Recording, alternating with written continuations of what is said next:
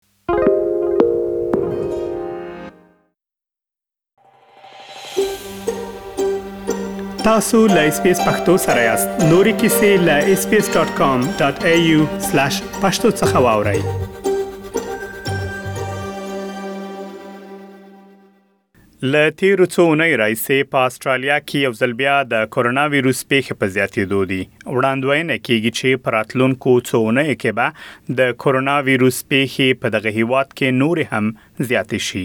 دا چې د کورونا ویروس د پېښو زیاتوالي او روان ناورین په نړیوالو او داخلي پروازونو څومره ناوړه اغېز کړی، په همدې اړه غواړم په ملبون ښار کې د یوه سیاحتي شرکت له مشر ښاغلي اسماعیل شاه نیازي سره مرکه ترسره کړم. ښاغلی نیازی صاحب ډېره زیاته مننه چې موږ ته مو د مرکې لپاره وخت راکړ. تاسو نه ډېره مننه منیب صاحب چې تاسو موږ ته وخت راکړ او چې دا معلومات اورېدونکو سره شریک کړو. ښاغلی نیازی صاحب د کورونا ویروس د پېښو زیاتوالي آیا د اسټرالیا په داخلي پروازونو منفي اغېز کړی دی یا هم د داخلي پروازونو په قیمتونو کې بدلون راغلی او که نه؟ منیف صاحب نه په داخلي پروازونو کې دومره اغېز نه ده کړی ځکه ملبون او سیدني ترمنځ خو حتی که څوک پازیتیو هم اوسیږي ضرورت د تیست نشته دا تا تشخیص کول مشکل ده خلک رفت آمد آزاد کوي کوینزلند ته او مشکلات شته ځکه چې هلته هغوی پالیسي هم دا ده چې باید تیست مو کړی وي مخکې له دې چې کوینزلند ته لاړ شئ نو هغه پروازونه کې بعضې خلک خپل مشتریان بعضې بوک کړي وو هالیدې او دوی تلای ونه شو ځکه چې مثبت و په ملبون کې نو نور ښارونو ته چې تاسو خبر هستئ ویسټرن استرالیا ته خو بیخي سفر نه کیږي ځکه چې نیو ساوت ویلز او وکټوریا دوی سره بیخي بارډر بند کړی ده حتی پوزټیو نیگیټیو ټیسټ هم که ورکې واکسین شوی هم اوسېږي له دې حالتونو نه ویسټرن استرالیا ته هېڅ تګ نه کیږي متاسفانه او په اسټرالیا کې بیا د کرونا روان ناورین له دغه هیواد څخه نورو هیوادونو ته یا هم له نورو هیوادونو څخه اسټرالیا ته په پروازونو باندې چې نړیوال پروازونه دي په دوی څه منفي اغیز کړی؟ آیا پروازونه کم شوي دي او قیمتونو باندې څه اغیز شوی؟ پروازونه خو منیب صاحب نه دي کم شوي همغه ادامه لري ځکه دولت د اسټرالیا دغه مرزونه د استرالیا ټول مربوط دی فدرال ګورنمنت دی چې فدرال حکومت همیشه هم دا وینا کوي خپل بیانیو کې چې دوی هیڅ کوم محدودیتونه نه راوړي په سفر کې ځکه چې استرالیان اکثریت 90 فیصد نه زیات فعلا واکسین شوي دي نو دغه واکسین یوازینی لار و چې فدرال حکومت په دې باندې تاکید کوي چې بارډر باید بند نشي انټرنیشنل او ورځ تر ورځې دوی اسانتیاوې راولي نو یوازې نه مشکل چې په همسایه مملکتونو کې لکه مالیزیا او سنگاپور او تایلند دوی په د دسمبر میاشت کې یو بارډر واسکه استرالیا ته بیا چې دلته د کیسونه ډیر شو او دغه د اومیکرون موضوع پیدا شو دوی بیرته بارډر بند نو پروازونه ادامه لري خو خبره دا ده چې کوم فکر وکړي سنگاپور ته کوم خل سفر کوي سنگاپوریان دی غوي اجازه لري چې داخلي سنگاپور سي هم تا استرالیا نشي تلای هالیډې ته فعلا سنگاپور ته یا مالیزیا ته یا تایلند ته نو دغه محدودیتونه فعلا شته زه فکر کوم دا به هم په دې نږدې ورځو کې راکم شي ځکه د سنگاپور او تایلند او مالیزیا د دوی ډیر یره لدی اومیکرون نه چې هغه هم مونږ ته معلومیږي په میډیا کې فعلا چې او خطر دومره نشته ده ښاغلی نیازی صاحب که چیرته څو میاشتې پخوا ته وګورو داسې یو حالت و چې آسترالیانو اجازه نه درلوده له آسترالیا څخه بهر سفر وکړي نو په هغه وخت کې معلومدار چې محدودیتونه یو څه سفرونه یو څه کم و پروازونه کم کېدل او بل له بهر څخه هم هر څوک نشوي راتلای اوس د زینو ویزو لرونکي کسان کولای شي آسترالیا ته راشي چې لنډمهاله ویزې هم پکې شاملې دي نو اوس که داسې مقایسوي شکل سره وګورو درې څلور میاشتې مخکې ته او اوس ته پروازونه هم په اصل کې زیات شوي دي په دې تیرو درې څلور میاشتو کې او کنه دقیقا منیب صاحب دغه کوم محدودیتونه چې لبین لاړ د سټوډنټ ویزو لپاره یا بعضې د کار ویزو لپاره د هیومانیټیرین ویزو لپاره د خلکو لپاره ورکینګ هالیډې ویزې دا خل چې راتګ یې شروع سه نو دې سره پروازونه هم زیات شو مخکې به په فکر وکوي چې ملبون ته یا سیدنی ته به هفته کې درې پروازه د امارات درلودو اوس هر ورځ پرواز لري همدغه سي د قطر ایرلاین همدا سي اتحاد ایرلاین نو اکثر ایرلاینونو پروازونه خپل هر هر ورځ کړی دي چې دې سره دا فشار دی هم نرخونه راټیټ شوي دي هم په ایرلاینونو کې فشار نشته دومره چې مخکې به موږ دا مشکل درلوده مخکې د محدودیتونو نه چې سیټ به نش پیدا کولای ډیر خلکو چې هغوی به د اکانومي په ځای به بزنس کلاس مجبور او چې واخلي نو هغه مشکلات فعلا حل او اوس چې تاسو گاونډي هیوادونه د استرالیا ته اشاره وکړه چې د اومیکرون له امله یې ځینې محدودیتونه په اسټرالیانو لګولي دي. اوس معمولا تاسو سره چې خلک، ځکه تاسو هم د ټکټونو د پلورلو کاروبار لرئ، کله چې ګورئ خلک تاسو سره چې ټکټونه بوکوي، ډېری کومه خوا اسټرالیان ځي؟ ایا دوی د سیل لپاره ځي؟ او دغه اجازه هم هماغه رقم چې اعلان شوې وه په اسانۍ سره خلک لري چې لاړ شي او بېرته راشي؟ بله صاحب، د مخکې مو چې یاده کړه اکثرا دغه امنګ همسایه مملکتونو فعلا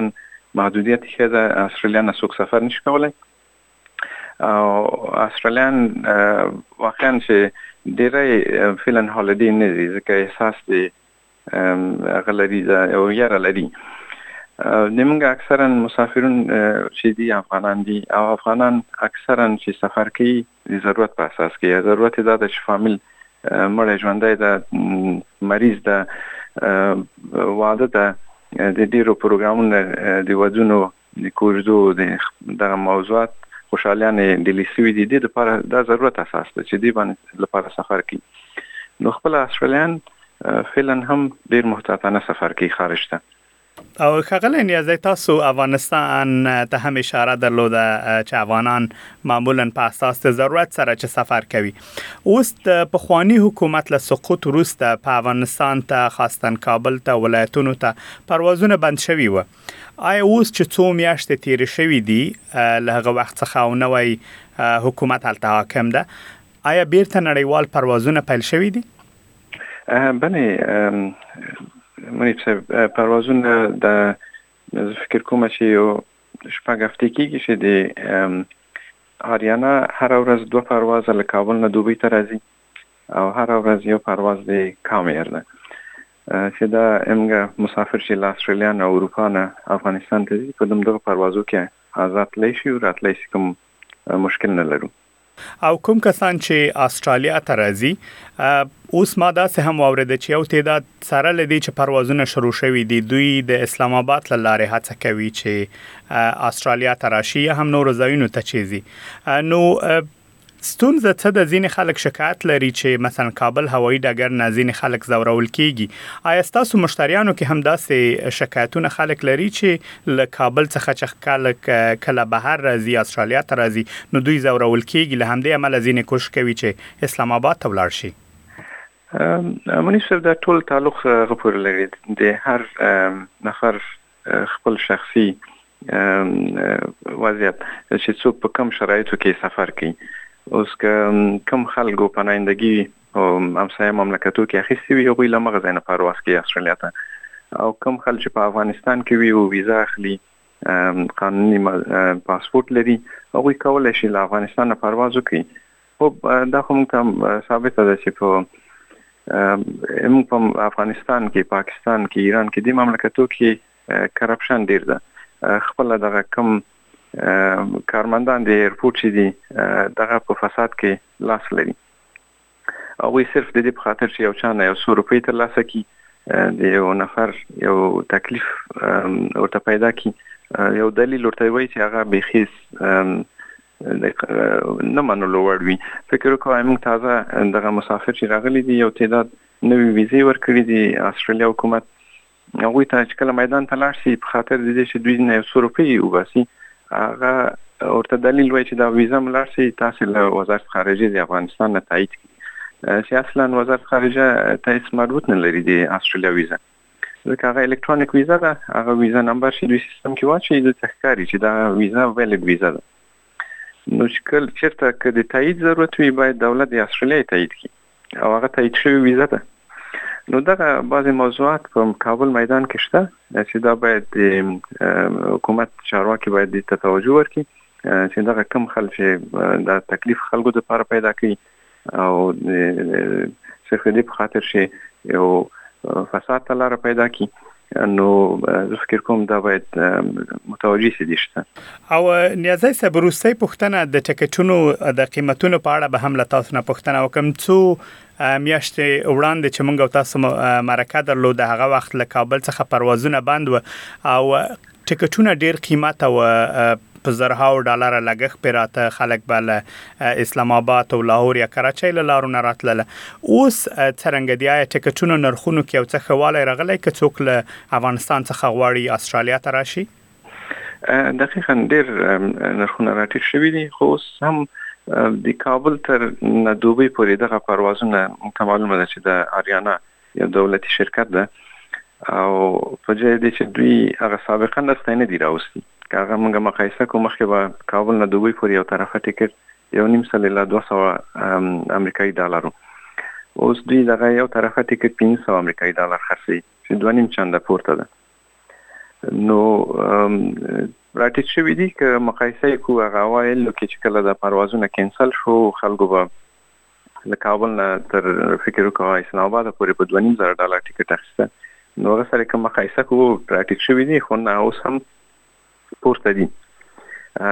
او کوم فلایټونه چې استرالیا ته راځي یا استرالیا نه ځي دغه نرخونه ډیر راټیټ شوی دي دا تقریبا هغه سابقه نرخو ته وایم ښاغلی اسماعیل شاه نیازی ډېره زیاته مننه د دغو معلوماتو لپاره چې زموږ له اورېدونکو سره مو شریک کړه. تاسو نه ډېره مننه. یو شی زه نور هم اضافه کوم چې دا د دوستانو لپاره به ډېر مهم غږ ولري. دغه فعلي شرایطو کې چې څوک سفر کوي غټ مشکل دی مونږ مونږ خبر یو چې کورونا کیسونه ډېر زیات شوي دي او پري پلاننګ ډیر مشکل ده بعضی خلګو یو میاشت مخکې ټیکټ بوک کړی وي هغه چې کله مخکې له پروازه کرونا ټیسټ کوي ویني چې مثبت ده هغوی ټول هغه پروګرام یې ګډوډ سي نو اکثر دوستان ته ما دا توصیه ده چې دوی که چېرته هالیډې یا کوم ضرورت په اساس هم کوم پروګرام نیسي نو باید هغه هفته کې باید دوی پرواز وکړي او خپل ټیسټ وکړي میک شور اطمینان وکړي چې دوی نتیجه منفي ده نو فعلا دغه دوستان ډیر په دې مشکل کې دي چې هغوی بوکینګونه دوه درې میاشتې مخکې بوک کړي دي ټیکټونه اوس په دغه مشکل سره سر دي نو تاسو مشوره همدغه ده چې کچیر ته غواړي پرواز وکړي خده چې لند وخت کې خپل بوکینګ وکړي ځکه معلومه نه ده چې درې میاشتې وروسته یا میاشت وروسته څه کیږي دقیقا دغه نامعلومه خبر ده نو ډیر مخکې نه باید سړی غوونه کی بوکینګونه کوي ځکه هغه معلومه نه ده چې میاشت دوه پس څه شرایط راځي څه نوي محدودیتونه راځي نو د په اساس خو مهمه دا ده چې د تاسو دغه مخکې له پرواز نه ټیسټ ریزلټ هم باید نیگیټیو او هر چیرته سفر کوي تاسو باید ټیسټ وکوي. هغه ټیسټونه نن سبا یو خوبي دا ده چې په ملبون ایرپورټ او په سیدني کې او بریسبین دغه درې ایرپورټو کې نوي دقو کې ورکوي. ضرورت نشته چې تاسو مخکې نه مو کوي خو که وکوي بهتره ده مخکې نه خو میدان کې هم کیږي سهولت شته صرف دغه مهم پوینټ چې ډیر مخکې نه باید ټیکټ بوک نسی